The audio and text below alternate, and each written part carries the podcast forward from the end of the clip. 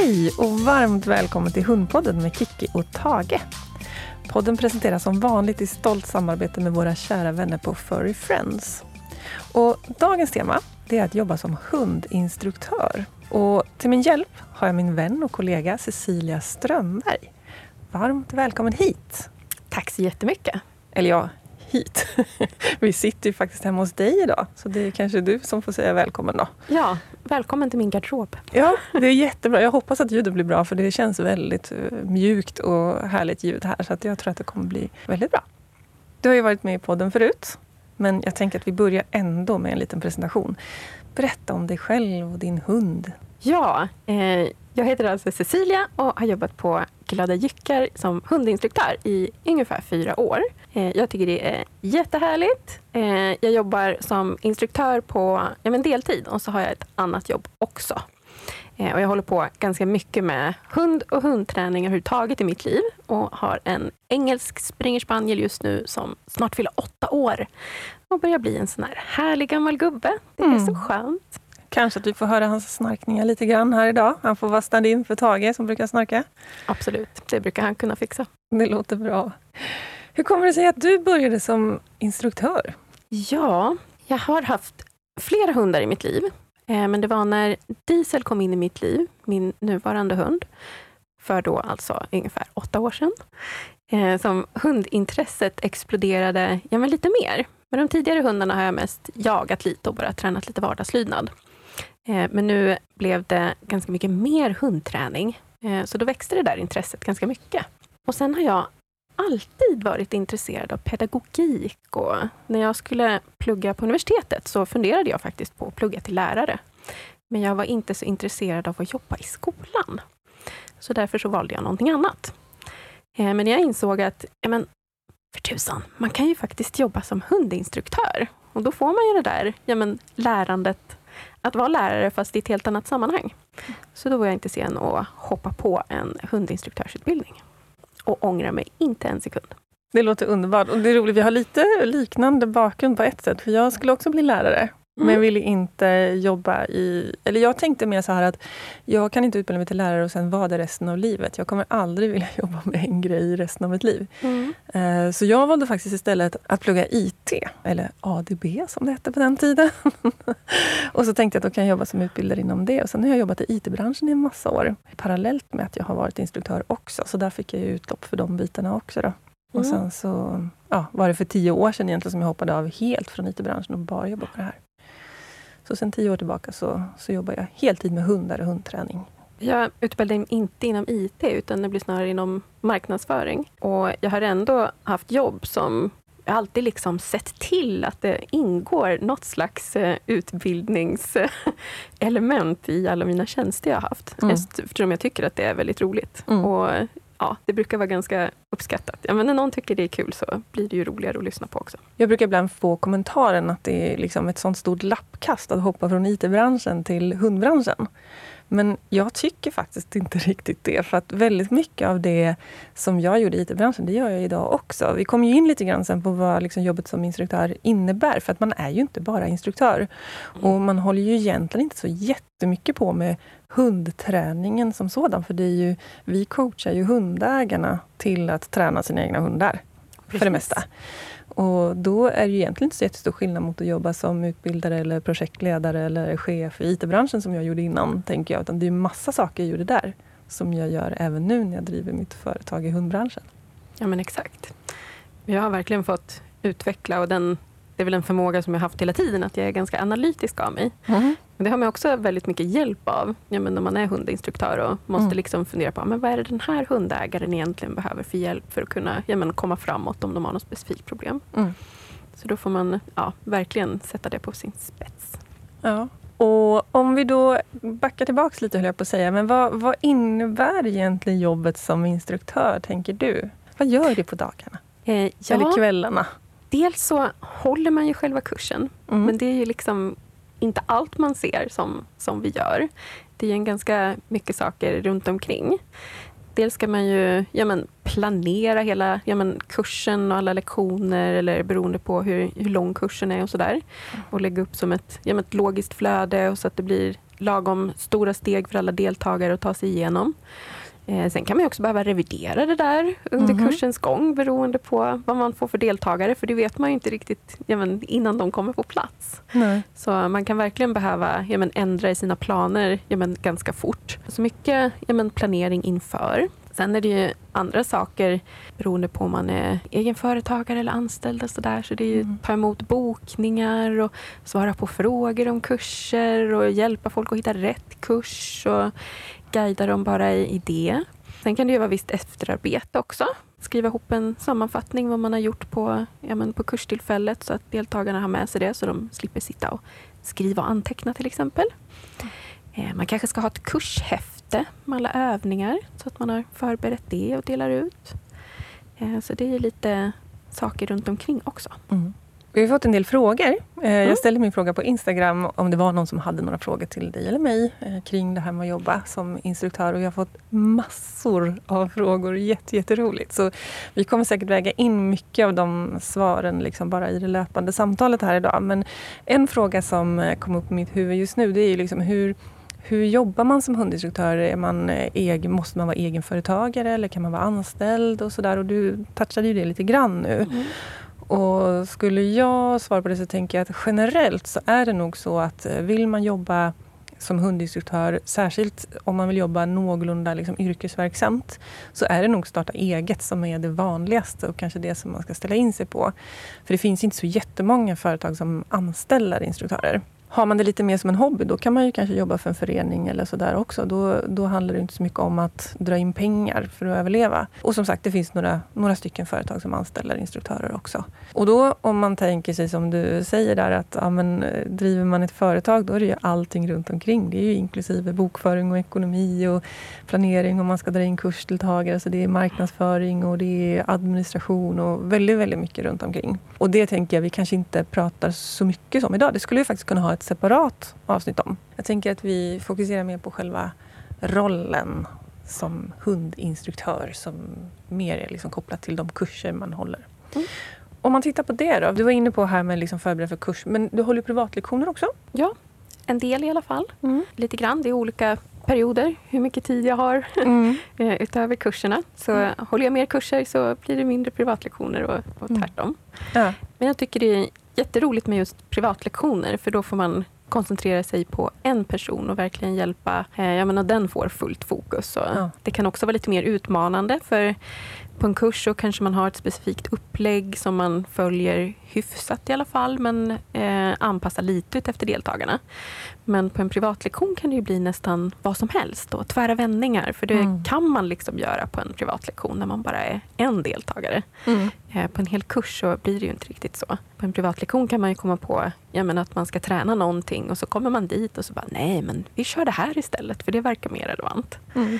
Eh, och det tycker jag ja, men det är utvecklande ja, men för en själv att man får tänka till lite eh, och också väldigt härligt att få den här kontakten med just bara en deltagare. Mm. Vad är det roligaste med att vara instruktör? Då? Det roligaste?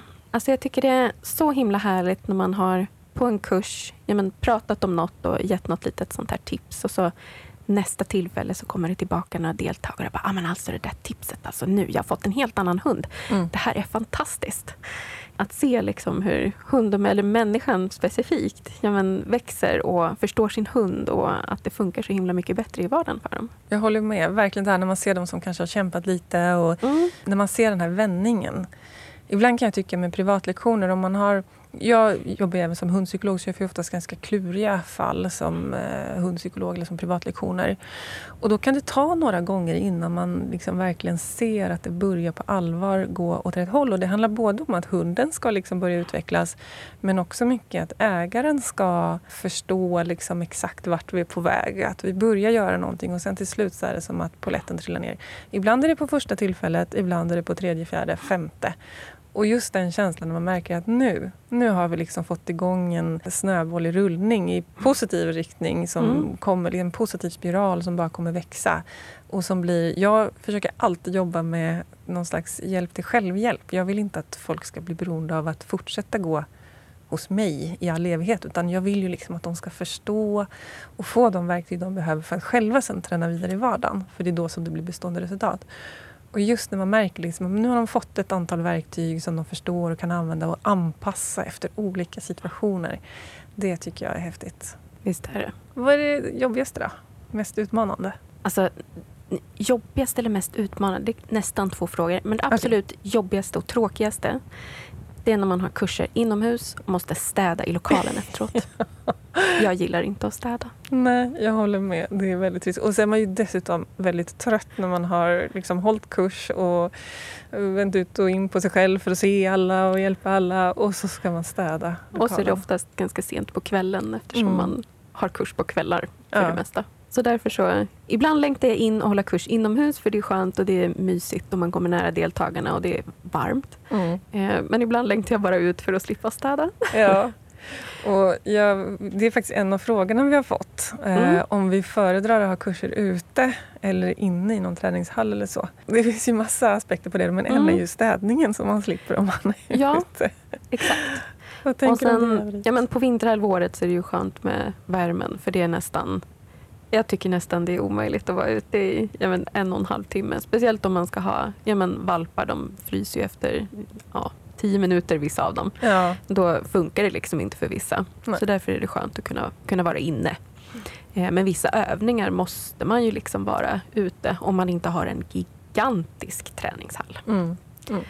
Och sen är det ju också lite en idé av att träna utomhus för att få ja, men, lite utav ja, men, störningarna och kanske mm. den miljön som man normalt sett befinner sig i på promenaden, alltså utomhus, mm. kan det vara bra att träna i den också. Så det finns ja, men både för och nackdelar med både inne och ute. Jag håller med och jag tänker att det kan variera lite från situation till situation för att vissa kanske måste vara inomhus för att slippa störningarna i början mm. och ha en chans att kunna fokusera på lite träning och sen behöver man gradvis införa verkligheten. Men det är som du säger, är man bara inne då blir det lite skyddad verkstad och så funkar det kanske ändå inte för hundägare mm. när man väl kommer hem. Så jag tycker det är väldigt bra att växla och ha möjlighet att välja. Och vissa kurser funkar bättre inne och andra ute. Och som du säger, vissa säsonger är bättre, än, mm. är bättre att vara inne än ute. Och det är en lyx att ha tillgång till en lokal. Vi har ju en ganska liten lokal. Mm. Så vi kör ju ofta på vintern att man gör en mix av att man har kanske basen inne men går ut och gör lite övningar ute och sen så går vi in igen och då får man lite det bästa av två världar tänker jag. Mm. Och som vi brukar ja, men, variera kursutbudet så att man kanske har kurser som lämpar sig mer inomhus i, i vår lite mindre lokal på vinterhalvåret och sen har man lite fler andra kurser utomhus som lämpar sig för mer utomhus. Mm. Som apporteringskurser är svårt att ha inomhus för där ja. behöver man ganska stor yta i alla fall för att ja, men, testa ja, av många övningar. Så det funkar inte riktigt inomhus. Så då får de vara på ja, men, sommar eller det varma liksom, halvåret. Ja. Eh, ja, men du har varit inne på det roligaste och kanske det tråkigaste. Mm. Men vad är det mest utmanande då med att hålla kurs? Vad är liksom mm. de jobbigaste situationerna att hantera? Det tycker jag nog är när man får en kursdeltagare som har ja, men, helt andra sorters metoder än vad jag kanske har. Och kanske lite annan syn på hunden och hundträning. Ja, och, ja. Det är faktiskt en av frågorna vi har fått också, så mm. det är bra att vi svarar på den. Ja. Men det tycker jag kan vara lite utmanande och det kännas ja, men lite tråkigt sådär. Att det liksom inte har sipprat ut till alla. Att kanske mer den belöningsbaserade träningen faktiskt är väldigt mycket bättre än någonting annat. Ja, att det är viktigt att ja, men, väga in hundens känslor och se till så att de har kul och mår bra. Mm. Eh, och inte ja, men, trycka till dem eller säga för mycket nej, utan förklara mer för dem vad de ska göra istället. Mm. Men då brukar jag, ja men för att hantera en sån situation så brukar jag lugnt förklara hur min metod funkar. Eller ja, mm. min och min. Det är jättemånga som använder just så, samma metod som jag gör. Ja. Eh, och eh, förklara att det är ja, men lite mer effektivt och ja, men förklara för hunden vad den ska göra istället. Istället för att ja, men säga nej eller knuffa undan den om det är någon, något beteende som man inte vill att hunden ska göra. Till mm. exempel slicka på disken i diskmaskinen. Mm. Eh, men istället för att putta bort den och skrika nej så mycket mer effektivt att bara be den att lära in då att den kan sitta och stanna kvar och så ber man den att sitta och stanna kvar och så kan jag plocka i disken istället och så kanske mm. den får en liten godisbit eller en klapp på eh, en liten, liten mys som belöning för det istället. Försöka liksom, ja, förklara och diskutera fram det där. Mm. Eh, ofta så brukar man få medhåll från några andra deltagare som också börjar resonera samtidigt också. Så blir det liksom, ja, lite av en gruppdiskussion också. Mm. Så det går ju att hantera men ja, sådana situationer tycker jag är lite jobbiga ibland. Ja, och jag tänker också att det kan vara lite utmanande för det kan vara en process. Mm. Eh, det är ju inte lätt för någon människa att bara från ett ögonblick till ett annat byta strategi om man har liksom kanske fått lära sig massa. Och jag har ju själv gått den vägen att jag började med hundträning på 80-talet på brukshundsklubbar där det var liksom helt andra tag och där jag sakta men säkert har fått liksom lära mig nya, nya bättre sätt och är jätte, jätteglad för det. Men jag vet vet ju också att ju mer erfarenhet man har av någonting desto svårare kanske det är att släppa det. Och då tänker jag också att vi som hundinstruktörer ibland kanske vi får vara glada om vi sår ett frö som får saker lite i rätt mm. riktning. Mm. Och sen så kommer ytterligare ett frö någon annanstans och ett till någon annanstans och förhoppningsvis så, så blir det det bästa för hunden så småningom. För som svar på frågan som någon skickade in innan där då hur man hanterar det. Jag tänker att man måste ha väldigt mycket fingertoppskänsla mm. och hantera det utifrån situationen. För att går vi på för hårt om att någon gör fel, men då tappar vi dem bara. Utan då handlar det mer, det är ju samma sak där, lika gärna som att man inte går på diesel om han käkar i diskmaskinen eller slickar i besticken om att det är fel. Utan ger honom ett alternativ. Då är det precis som du var inne på mot människorna också. att mm. Det är kanske bättre att peka på att men så här kan man också jobba, prova det. Mm. Liksom. Mm. Och då får vi de här positiva effekterna jämfört med om vi gör det som man gjorde innan. Då. Precis. Så ser jag någon, är det någon som ställer en fråga så brukar jag försöka ja, men, dra igång en diskussion och förklara.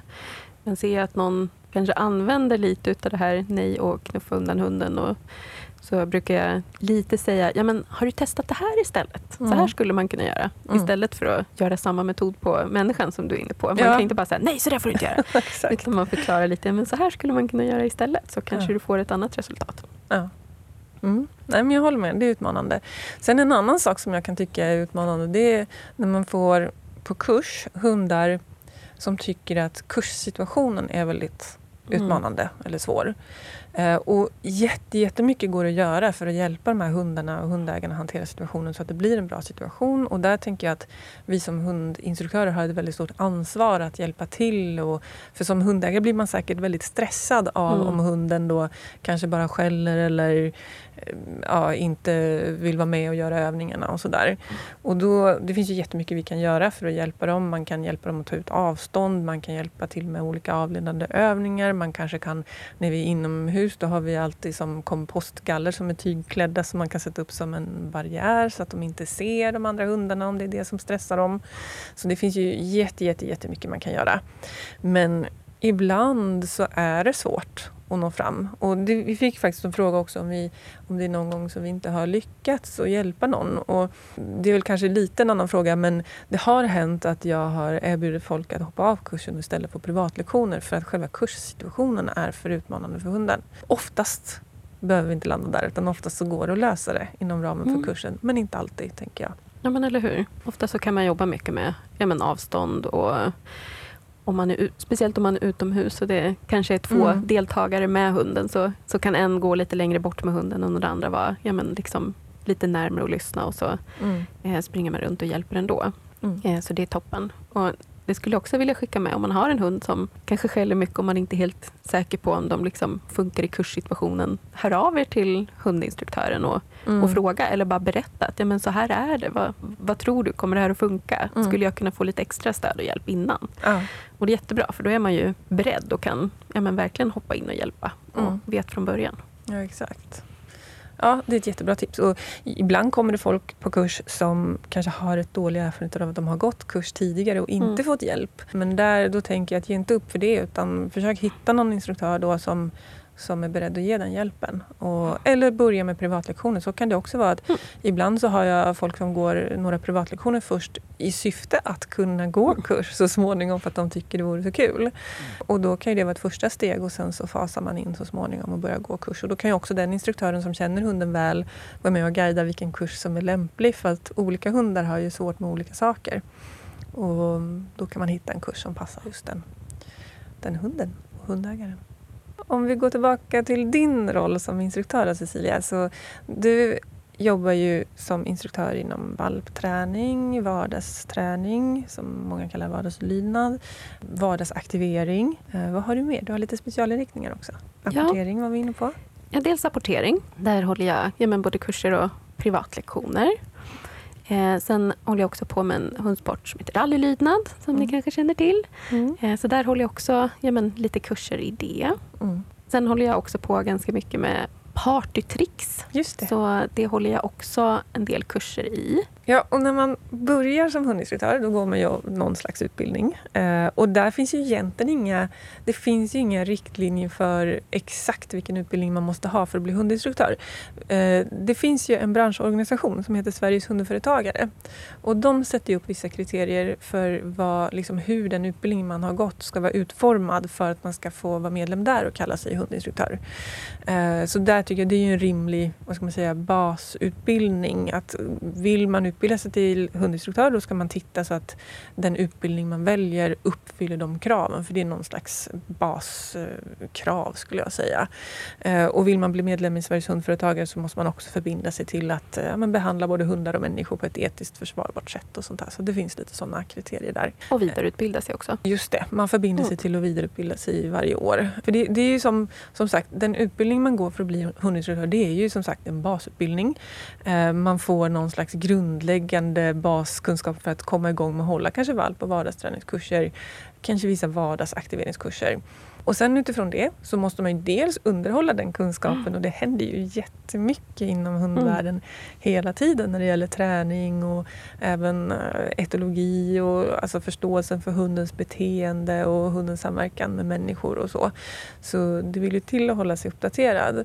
Mm. Och sen kan man ju också utifrån det välja att inrikta sig antingen då genom att dessutom hålla kurser i någon sport som man är intresserad av och då förhoppningsvis duktig på.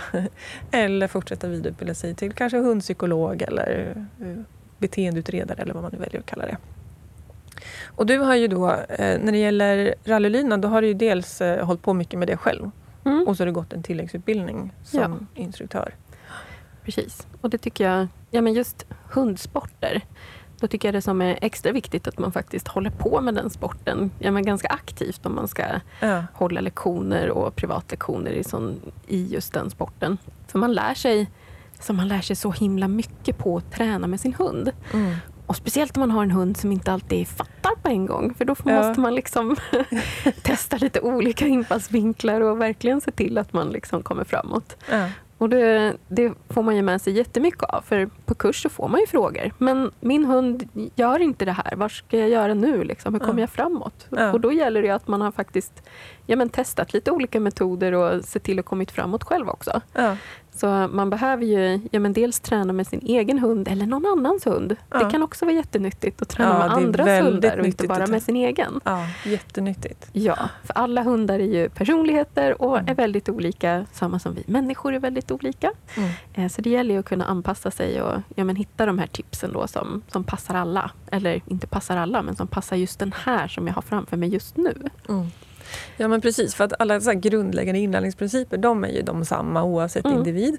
Men vad de betyder det kan ju variera jättemycket för, för varje hund och hur man skapar bästa förutsättningar för mm. att en hund ska utvecklas och lära sig saker. Ja. Så just hundsporterna så försöker jag, jag men, träna med min egen hund faktiskt gå kurs med min egen hund. Mm. För det lär jag mig också mycket på. Mm. Eh, jag, menar att också, jag ser det som vidareutbildning mm. av mig själv också. Samtidigt som du är inne på, jag menar andra sorters vidareutbildningar är också viktiga att gå på och hålla sig uppdaterad om ja, vad som händer i vetenskapen och hur det går framåt också. Mm. Vad brukar du göra för att hålla dig uppdaterad? Nej, men jag gör också dels jättemycket med min egen hund för att jag tänker att det är ett bra sätt att lära sig på. Eh, och då handlar det mycket om de här praktiska handgreppen, att verkligen liksom utvecklas som hundtränare. Sen eh, går jag mycket utbildningar också, vidareutbildningar och det kan vara inom alla möjliga olika områden. Alltifrån djupt nörderi i något specifikt tema som separationsångest eller så. Eller bara liksom håller mig allmänt uppdaterad på vad olika hundinstruktörer och hundpsykologer runt om i världen eh, ägnar sig åt och tycker är viktigt. Liksom. Så det är um, ja, en kombination av kurser som jag kanske går mycket för min egen skull med min egen hund men som också då gör att jag blir en duktigare hundtränare. Och sen så um, olika utbildningar som jag tänker komplettera bra den eh, Eh, kunskap som jag har och som jag behöver för att hjälpa de hundar och hundägare som jag möter. Sen gör jag faktiskt en sak regelbundet också som jag tycker hjälper mig mycket i min roll som instruktör och det är att jag brukar alltid försöka ha något tema som jag eh, går kurs i eller lär mig där jag är helt nybörjare från början. Så jag väljer ut något nytt tema som jag tycker men det där verkar kul och spännande. Det behöver inte alls ha med hundträning att göra utan snarare tvärtom. Liksom, att det har inte med hund att göra för att jag vill att det ska vara något där jag inte har en massa förkunskaper. Exempel kan vara att ett tag så läste jag spanska. Eh, sen så började jag med foto allt tenderar ju att bli lite hundrelaterat sen, för sen börjar jag såklart fota hundar. Eh, just nu går jag en kurs i teckenspråk. Mm. Och det är lite för att känna efter hela tiden, att inte glömma bort hur det är att vara nybörjare. Mm. Eh, och jag kan erkänna, jag blir nervös av att gå kurs. Jag var, igår så var jag på ett tillfälle, tillfälle två i den här teckenspråkskursen och jag kände mig nervös innan för att då skulle vi, jag skulle presentera, jag skulle presentera mig själv på teckenspråk och alltså det är ganska nyttigt att känna för att eh, som hundinstruktör så kanske man tänker att men det här det är inga svåra övningar vi gör och det är ingen svår situation. Men det är klart att många hundägare kommer dit, särskilt om man har en hund som kanske eh, låter mycket Eh, märks mycket och man tycker att det är lite pinsamt. Det kan ju vara jättejobbigt kan jag tänka mig att komma i en kurssituation. Och då tror jag att det är bra som instruktör att liksom ha varit i den rollen nyligen själv. Eh, så att man inte glömmer bort det. Absolut. Jag brukar också försöka gå kurser som heller kanske inte har med mitt kursutbud att göra, utan bara lära mig något nytt. Som mm. Jag gick en kurs i barmarksdrag. Jag tänker inte hålla kurser i barmarksdrag. Nej. men eh, bara för att också ja, men, lära mig något nytt och, och gå en kurs. Det, ja. ja. men, jag håller med, jättenyttigt. Dessutom kan man ju alltid snappa upp något eh, pedagogiskt från den instruktören mm. man eh, går för också, tänker jag. Precis. Alltid lär man sig något. Mm. Vi har fått in en hel del frågor som handlar om liksom, om man verkligen kan försörja sig eh, som hundinstruktör och hur det är liksom att leva på det, om det går eller inte. Och det är ju svårt tycker jag att ge ett rakt svar på det för att Eh, det handlar om så mycket. Det handlar ju både om ekonomi, vad, liksom hur mycket pengar behöver man dra in för att kunna överleva? Vad tycker man är en rimlig lön som man behöver få in? Men det är väl det, det som är utmaningen tycker jag är dels liksom att dra in tillräckligt mycket pengar. Eh, för så länge man säljer sin egen tid till privatpersoner så finns det alltid liksom kanske någon slags begränsad eh, mängd intäkter. Och det andra är att det är ofta mycket kvällar och helger. För att det är mm. mest på kvällarna och helgerna som folk vill gå kurs och helst också privatlektioner. Vi kör en hel del på dagtid också, på vardagar. Men eh, det är helt klart lättare att få kunder på kvällar och helger, så är det ju. Så, så det är väl liksom de största utmaningarna skulle jag säga. att eh, få in tillräckligt mycket pengar så att man känner att man går runt på det och eh, att det är risk för mycket kvällar och helger. Men med det sagt så tänker jag att det är ändå, om man brinner för det här så är det också så att ja, hade jag inte jobbat med hundar då kanske jag hade gått iväg och tränat min egen hund tre kvällar i veckan. Och det här tycker jag är så kul så att då gör det ingenting om det går lite kvällar och helger. Sen finns det ju gränser såklart för hur mycket. Vill man få det att gå runt som ett heltidsjobb, då tror jag man får vara lite kreativ. Både med liksom vad man erbjuder för typ av tjänster och när på dygnet man gör det och sådär. Så att, eh, men det finns ju massor av olika sätt. Och egentligen tänker jag, är man någorlunda ekonomiskt bevandrad eller någorlunda matteskalle eller om man har någon i sin omgivning som, som är det som kan hjälpa en, så är det relativt enkelt att sätta sig och räkna på det. För att de flesta som håller kurser eller erbjuder kurser och privatlektioner, de skriver ut på sina webbsidor vad, hur mycket pengar de drar in per timme. Eller det står ju där vad en kurs kostar. Så det är ganska lätt att göra en ekonomisk kalkyl på det. Så kan man ju göra en bedömning då av hur mycket tid man behöver lägga för att få en rimlig lön. Och så får man räkna på det på det sättet. Och jag brukar ha som lite så schablon att för varje kurstimme du håller eller varje privatträningstimme du håller så måste du lägga minst en timme i kringarbete för just den kursen och privatlektionen. Eh, så håller man en kurs som är fyra tillfällen, en och en halv timme varje gång, då blir det sex timmar. Då måste du också lägga sex timmars eh, för och efterarbete på det med att skriva sammanfattningar, göra en planering, allting runt omkring. Sen utöver det så tillkommer allt det här liksom generella företagandet som man då får om man driver företag. Och det är i princip lika mycket timmar till skulle jag säga. Så för en timme kurs så skulle jag säga totalt sett så jobbar du fyra timmar. Så det, det tror jag kan vara lite lätt att missa när man gör sin kalkyl. Att eh, man tänker att ja, men gud, jag kan ju dra in hur mycket pengar som helst om man bara tittar på själva kursintäkterna. Men eh, det är viktigt att räkna på liksom helheten. Och sen tror jag det här med att vara anställd eller driva företag, det handlar nog mycket om vad man tycker är roligt. För att helt klart, man, man, är inte, man jobbar inte i den här branschen för att tjäna pengar. Om det är det som är drivkraften, då finns det bättre branscher att jobba i då skulle jag varit kvar i IT-branschen, tänker jag. Utan det är ju för att man älskar hundar och hundträning och människor skulle jag säga och vill få hund och människa att utvecklas tillsammans. Det, det är liksom rätt anledning att vara i branschen. Och då får man fundera på vad, vad är det jag tycker är kul? Gillar jag att eh, stå där med hunden och hundägaren bara? Eller är det så att jag också tycker det är kul med administration och marknadsföring och kanske driva ett eh, konto i sociala medier som får uppmärksamhet. Och, ja, men då ska man ju liksom lägga kraften på det som man tycker är spännande. Och om man själv inte alls tycker det är kul att hålla på med allting runt omkring, ja, men då kanske man ska försöka vara anställd eller, eller samarbeta med någon som har de andra delarna som kompletterar det som jag inte har. Jag lejer bort ekonomin till exempel. I början gjorde jag det själv med hjälp. Men eh, den delen lejer jag bort. För att, eh, både för att jag tycker att det är så viktigt att det blir rätt och för att jag inte tycker det är så jättekul att sitta med det. Man får fundera lite på vad man själv tycker är kul att lägga tiden på för att det är det som måste vara drivkraften när man jobbar med hundar skulle jag säga. Och Det man kanske också ska ha med i bakhuvudet det är ju, precis som jag var inne på där, att det är ju inte hundarna vi jobbar med i första hand om man jobbar som instruktör. Utan det är ju människorna. Det är ju sällan vi tar en hund och tränar med den. Utan oftast så är det så att vi försöker guida hundägaren till att träna med sin hund. Så då vill det till att man också tycker det är kul att jobba med människor. Exakt. Jag brukar säga att jag brinner verkligen för att få människor att förstå. Mm. Och Det kan vara i olika situationer, men ja. nu gillar jag ju hundträning så väldigt mycket, så därför så blev det just ja, men det här. Att få människor att förstå det här med hundträning. Eh, så det är det jag helst vill fokusera på. Jag gjorde också ett val starta eget eller bli anställd. Och då tyckte jag det funkade lite bättre för mig det här med anställning. Visst, jag är ekonom i, i grund och botten och skulle väl klara av det här med bokföring, men jag tycker det är så vansinnigt tråkigt. Ja. Eh, och sen har man ju en viss ja, men, fördel när man är tillsammans. Man kan ju som du säger para ihop sig med någon också om man mm. inte, ja, men det inte funkar att vara anställd på den orten man kanske bor på till exempel. Så att man kan komplettera varandra lite, ha en kollega också. Det är mm. mycket värt för mig. Och att man får lite ja, men, dragkraft av varandra. Vi är ju sex personer som jobbar på Glada Lycka just nu och det är ju väldigt ofta som vi ringer varandra eller skriver. Vi har lite så interna Facebookgrupper där man mm. bollar mm. olika case. Och det kan vara så att en eh, har inte stött på ett, en viss typ av frågeställning tidigare, då tar man det med de andra. Eller vi har också lite olika kompetenser. Senast mm. igår så bollade jag med Camilla som också är fysioterapeut. Det var väldigt bra när man fick en fråga på valpkursen om ifall en valp i en viss ålder och en viss ras får gå i trappor i en viss mängd eller inte. Och så där. Så mm.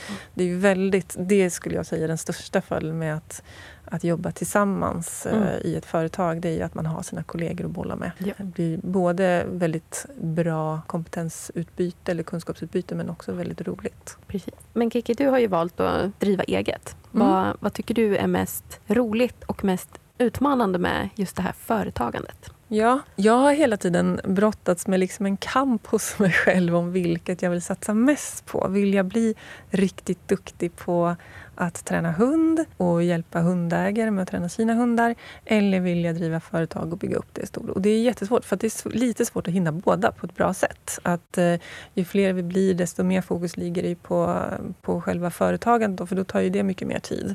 Samtidigt som jag tycker det är så kul med själva liksom, hantverket hund. Det som är roligt med att driva företag, jag tycker, det är precis som du, där jag älskar både när människor utvecklas, när hundar utvecklas, men också när organisationer utvecklas. Så det är något som jag gjorde mycket i IT-branschen. Då jobbade jag jättemycket med företagsutveckling. Jag jobbade ofta med liksom verksamheter som inte funkade så bra och sen så utvecklade vi det till någonting bra. Så jag tycker den biten är jätterolig. Att liksom bygga upp en verksamhet som, ja, som kan nå ut till många och, och kanske förändra livet för många. Så att för mig blir det mycket ett sätt att kunna nå ut till ännu fler och göra ännu större skillnad i, i hundars liv, helt enkelt, och hundfamiljers liv. Sen gillar jag variation. Så jag, tror, jag har svårt att säga att amen, eh, det är jättekul att göra det eller det. För att jag vill ha både variation i det jag jobbar med, själva hundarna och hundträningen, och variation i liksom allting runt omkring. Så jag tycker det är jättekul med marknadsföring, men jag kan faktiskt också tycka att det är kul att sitta med ett Excel-ark eller, eller till och med bokföring eller så. Men jag vill inte göra det för mycket, utan jag vill ha den här variationen. Så ja, tråkigt svar kanske, men jag har jättesvårt att säga vad som är roligast. Men eh, det, det, jag tror det kommer tillbaka till det här med utveckling. Att jag vill utvecklas själv, jag vill se utveckling omkring mig, jag vill bidra till andras utveckling och jag vill se mitt företag utvecklas. Det är det jag tycker är häftigt. Flera frågor handlar lite grann om, liksom, om, hur, om man nu vill in i den här världen, hur, hur kommer man igång? Och en konkret fråga det är så här, men hur, hur lång tid tog det att bli varm i kläderna? Innan, hur var det för dig Cecilia? Hur kändes det liksom, när kände du att men nu har jag koll på läget? Eller kände du det från första början? Koll på läget hade jag nog första gången jag höll kurs. Men första gången jag höll kurs så var jag jättenervös. Jag mm. höll på att kissa på mig eh, och typ skakade. Men det var mest innan det satte igång. Sen när kursen väl var igång så, så kändes det lugnt. För jag känner mig fortfarande hemma i sådana situationer när jag utbildar och ja, men, är som, ja, men, har den här lärarrollen. Ja. Eh, så jag fann mig ganska snabbt i den. Eh, men det kan ju ta ett par kurser innan man blir ordentligt varm i kläderna så att säga. Mm. Eh, verkligen. Och där tänker jag också att jag har ofta liksom strategin, både för min egen del men också för de som börjar jobba hos oss, att man börjar kanske med någon relativt enkel kurs som man känner sig trygg med. Och sen så kör man den några gånger tills man liksom känner sig riktigt trygg med det. Och sen tar man nästa steg och tar någon annan kurs. Mm. Och sen kan man bli mer och mer kreativ och hitta på nya saker som, som kanske känns lite utanför. Så man hela tiden vidgar. Så det är inte så att mm. man måste hålla alla typer av kurser från början utan man börjar med Exakt. något lagom svårt. Ja, men det är jättebra. Eh, och så började jag också. Och vidga och vidga. Och nu blir det lite allt möjligt. Mm. Och du har ju valt att inte jobba heltid än så länge. Nej. Med hundkurser. Utan eh, jag du ville, har ett annat liv också. Precis. Jag ville testa av lite om det här var verkligen det jag faktiskt ville hålla på med. Jag var ganska så säker sådär, men mm. ändå så... Och jag som person kan vara lite eh, försiktig ibland och inte ta för mycket risker. Så jag började i lite mindre omfattning eh, ett tag och inte hålla så mycket kurser eh, och hade ja, men, mitt andra jobb vid, vid sidan av kvar. Eh, nu har jag gått ner i tid från, från det jobbet så att jag inte jobbar lika mycket där eh, på kontorsjobbet eh, och jobbar mycket mer med hundkurser och privatträningar. Vilket vi är väldigt glada för. Och ja, våra kunder också. också. så det blir eh, en hel del kurser i veckan och ibland lite privatträningar. Sen skapar jag en del onlinekurser också för att, mm. ja, men lite det som vi var inne på, att man behöver lite fler saker än kanske bara kurser för att eh, överleva på mm. ja, men den här lönen. Eh, så då gör jag lite onlinekurser och håller föredrag. Eh, gör jag också. Och så hinner jag ju med att vidareutbilda mig och träna med min egen hund. Mm. Och jobbar faktiskt en del med marknadsföring via mitt Instagramkonto som också är, visar lite vad, eh, vad jag kan och vad jag gör. Just det. Så om ni inte redan följer Cecilia på Instagram så Cecilias hundliv ska ni leta upp och följa där. Ja, gör det. Massa tips och råd där. Väldigt, väldigt trevligt konto. Ja men exakt. Hur, hur går det då tycker du att kombinera de två jobben? Liksom? Funkar det? Absolut, det tycker jag att det gör. Jag har valt att ja, men gå ner i procent på mitt andra jobb så att jag har frigjort hela dagar. Inte procent per dag, utan frigöra dagar så att jag kan jobba på söndagar till exempel och ha en helgdag på, på fredag till exempel. Mm. Eh, och få lite mer eh, fritid och utrymme för att göra det som, som jag blir mer lycklig och mer harmonisk av. Mm. Och Jag tycker det funkar bra att kombinera. Mm. Bara man har en, den andra arbetsplatsen som man går ner ifrån i sådana fall. Om man i alla fall faktiskt får tillfället att gå ner i tid, bara så att man inte mm. ska göra det man gjorde förut på kortare tid. Mm. Men att det finns en förståelse för det. Och det hade verkligen gjort på min arbetsplats. Så då funkar det ju faktiskt. Ja, och det där är väl kanske min rekommendation om man är sugen på att dra igång som hundinstruktör, att man försöker kanske fasa in det lite stegvis. För det kan också ta lite tid att bygga upp en eh, kundbas och verkligen få full beläggning. Så även om man, eh, eller särskilt om man då kör själv i egen regi, så är det ju super, superbra om man kan eh, få få en fast intäkt liksom, som man vet kommer varje månad parallellt med att man bygger upp sin sin kundbas och sin verksamhet. Så när jag bestämde mig för... Jag började jag utbildade mig för så länge, länge, länge sedan.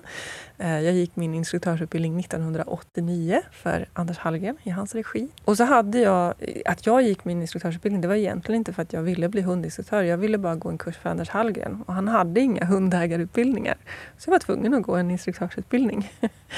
Eh, men när jag väl gick den då tyckte jag det var så kul så jag började hålla kurser på fritiden och sådär bara för, för skojs skull. Men då var det parallellt med att jag pluggade och, och så småningom jobbade.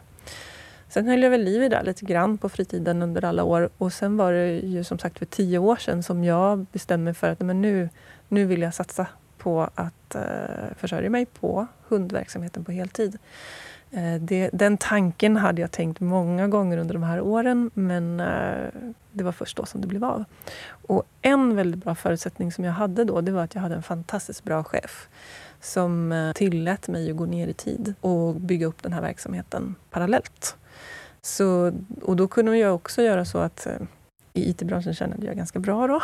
Så när jag gick ner på halvtid i IT-branschen då kunde jag leva på den lönen. Så allt jag drog in för hundverksamheten kunde jag bygga upp som en buffert, vilket också är väldigt bra att ha såklart när man sen så småningom eh, kastar sig loss för att börja se om det bär fullt ut. Och då lär man sig också, dels bygger man en kundbas, man kan bygga lite kapital och så lär man sig ju väldigt, väldigt mycket om ja, men branschen och om hur mycket pengar man faktiskt drar in så att det går att göra lite mer realistiska bedömningar sen när man väl tar klivet och hoppar av helt.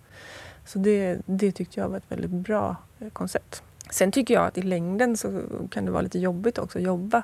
Ha en fot. Det, det, det kan vara på gott och ont. Det kan vara skönt också att ha en, den här tryggheten.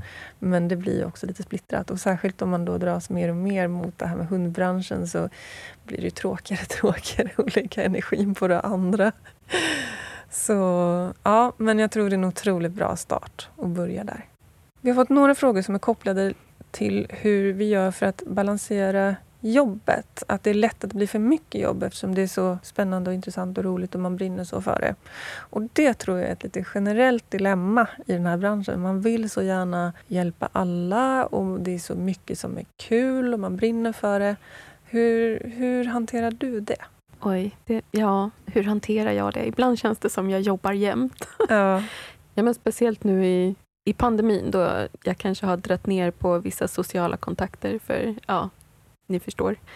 Mm. Så då har det känts lite som jag jobbar jämt. Antingen så jobbar jag på kontorsjobbet eller på Gladikar eller med mitt Instagramkonto. Och helt ärligt, när jag tränar och är med min hund så känns det som vidareutbildning. Ja, ja. så då känns det som man jobbar hela tiden. Mm. Men man får försöka liksom, ja, men, koppla loss eh, och verkligen kanske inte alltid se det här som att hänga med sin hund som vidareutbildning, utan bara att man är. Mm. Eh, och faktiskt ja, men ha lite andra intressen som man också gör. Mm. Ta sig tid för att vila och återhämta sig. Ja, men jag håller med. Och jag kan växla mellan känslan av att jag jobbar jämt och att jag aldrig jobbar. Att mm. det är liksom, å ena sidan känns det som att jag jobbar hela tiden men å andra sidan känns det som att allt jag gör är bara kul. att ibland, vissa dagar kan jag känna så här, gud, att jag får nästan dåligt samvete för att det känns som jag har skolkat. Fast jag har jobbat hela dagen men det var så roligt. Ja. Så det är en otroligt svår balans och jag är verkligen inte rätt person att svara på den frågan för att jag är jättedålig på att, eh, att eh, vara ledig. Eh, men jag behöver det väldigt väl. Jag blir duktigare och duktigare. Jag är 52 år gammal och jag har fortfarande inte lärt mig att hitta exakt rätt balans i livet. Men eh, eh, jag blir duktigare och duktigare på att veta vad jag behöver för att inte krascha. Så ja, det är en jättesvår fråga och det är jättesvårt när jag, jag, har fått försöka lära mig siffermässigt. Liksom hur många privatlektioner kan jag ta åt mig per månad utan att eh, det blir för mycket?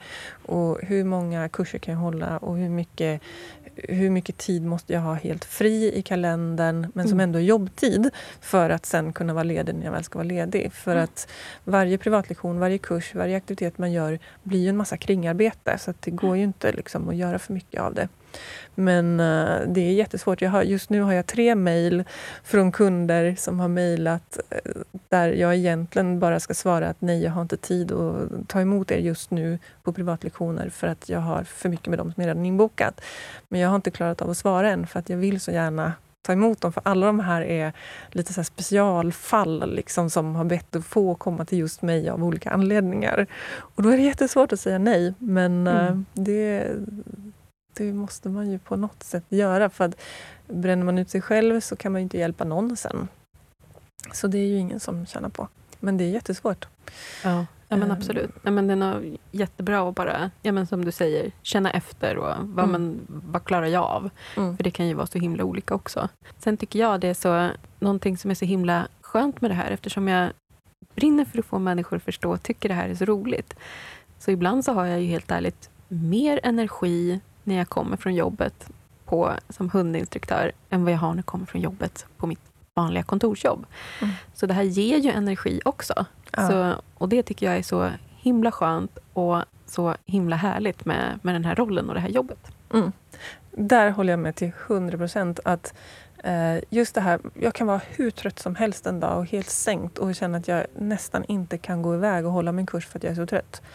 Och sen efter kursen, eller så fort egentligen kursdeltagarna börjar komma, så blir jag full av energi och den sitter i efteråt och jag kommer liksom hem från jobbet piggare än jag var när jag gick dit. Exakt. Så det, det är otroligt lyxigt att få ha den känslan för sitt jobb, tänker jag. Det är ingenting som suger energi, utan det, det ger energi.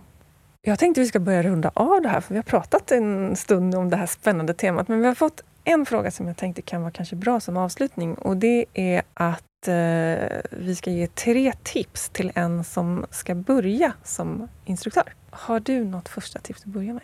Men skaffa en bra utbildning. En utbildning med ja, men, mycket praktisk träning. Så man verkligen får ja, men, erfarenhet av det och en eh, erfaren instruktör som faktiskt är med och ja, men, guidar en. Ja men exakt, jag håller med. En bra utbildning som blir liksom en, en bra grund för allt du ska göra framöver. Liksom. Sen, sen är det ju ständigt lärande, men då har man en bra bas att utgå ifrån. Sen tänker jag att ett nästa tips skulle kunna vara att, att om man har chansen att man kan smyga igång och ta det stegvis. För egentligen så behöver man ingenting för att komma igång mer än sin kunskap. Eh, så kunskapen är ju basen. Och sen så sen kan du ha, bara du har någonstans och vad du kan vara på en grön äng eller en skogsdunge. När jag började köra igång kursverksamheten, jag hade ingen lokal, jag hade ingen webbsida, ingenting. Jag satte upp lappar i området och fick ihop en grupp och så körde vi kurs. Så det kostar ingenting i investering liksom, utöver den här grundutbildningen eh, för att komma igång. Och sen kan man liksom sakta men säkert bygga upp och kanske man vill ha en lokal så småningom, vilket inte heller är nödvändigt. Eller eh, du kan skaffa utrustning när du känner att du behöver det. Men eh, eh det är lätt att börja liksom, i liten skala och sen bygga upp stegvis. Ja, och det finns ju mycket ja, men mycket på sociala medier som man kan göra marknadsföring med. Mm. Så etablerade mm. eh, grupper på Facebook där man kan ja, men, visa att man har kurs också. Mm. Verkligen. Hördes det att jag var från 80-talet nu när jag sa att man skulle sätta upp lappar i närområdet? Ja. Ah, okay. Det var därför jag lade till det här lite mer moderna. Tack Cecilia. Sista tipset då? Ja, men, brinner du för det här, ja, men, bara kör. Du kommer ju inte ångra dig om du Nej. brinner för det. Nej. Så vad väntar du på? Ja men exakt, jag håller med. Bra sista slutkläm där. Och så att man är kreativ med vägens gång och provar sig fram och inte mm. ser det så dramatiskt. Man måste liksom, det är inte antingen eller, utan kör igång. Och så ta det efterhand som saker dyker upp. Ja, men vad kul att borra i det här temat med dig Cecilia. Och det är ju inte en slump kanske att vi ger ut det här avsnittet just nu. För att eh, det här temat är top of mind hos både dig och mig. För att i april så startar vi på Glada Jyckar en hundinstruktörsutbildning. Och lärarteamet består ju av dig och mig. Och Eh, två superduktiga personer till som heter Anna-Maria Svedberg som är etolog och Elin Lindell som är veterinär. Och jag vill ju självklart slå ett litet slag för våran utbildning. Eh, den här utbildningen omfattar sex kurshelger på plats hos oss i Stockholm plus lite webinars och en hel del hemuppgifter och löpande coaching eh, när ni jobbar på hemmaplan. Vi genomför den här utbildningen i en ganska liten grupp och än så länge när vi spelar in det här så finns det platser kvar och jag gissar att det finns någon plats kvar även när vi släpper det. Så är du intresserad av att komma in i hundbranschen och vara med och förbättra livskvaliteten för hundar och deras familjer och inspirera folk och utbilda folk, då tycker jag att du ska gå in på gladajycka.se och läsa mer om den här utbildningen. Och du är också hjärtligt välkommen att kontakta oss om du har frågor eller funderingar såklart.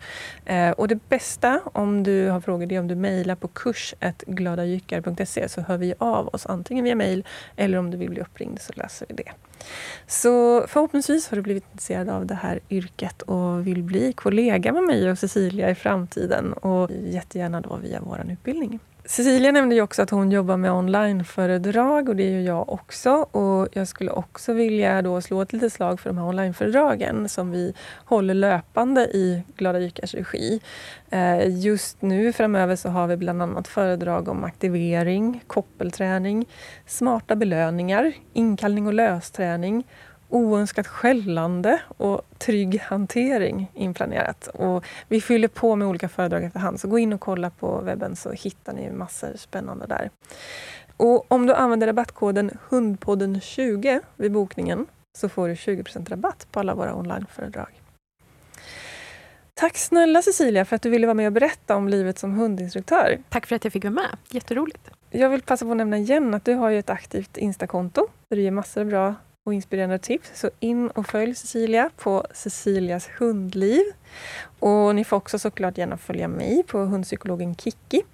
Eh, jag har avslutat poddens egna konto, så nu är det mitt hundpsykologkonto som gäller. Så in där så får ni massa tips och råd och får följa mig i mitt liv som, som eh, hundpsykolog och allt som händer kring podden och så där också. Så Tusen tack till alla er som har lyssnat på Hundpodden med Kiki Felstenius och Tage Beagle, eller idag faktiskt med Diesel som stand-in. Och idag har jag också med mig Cecilia Strömberg. Ha en underbar dag!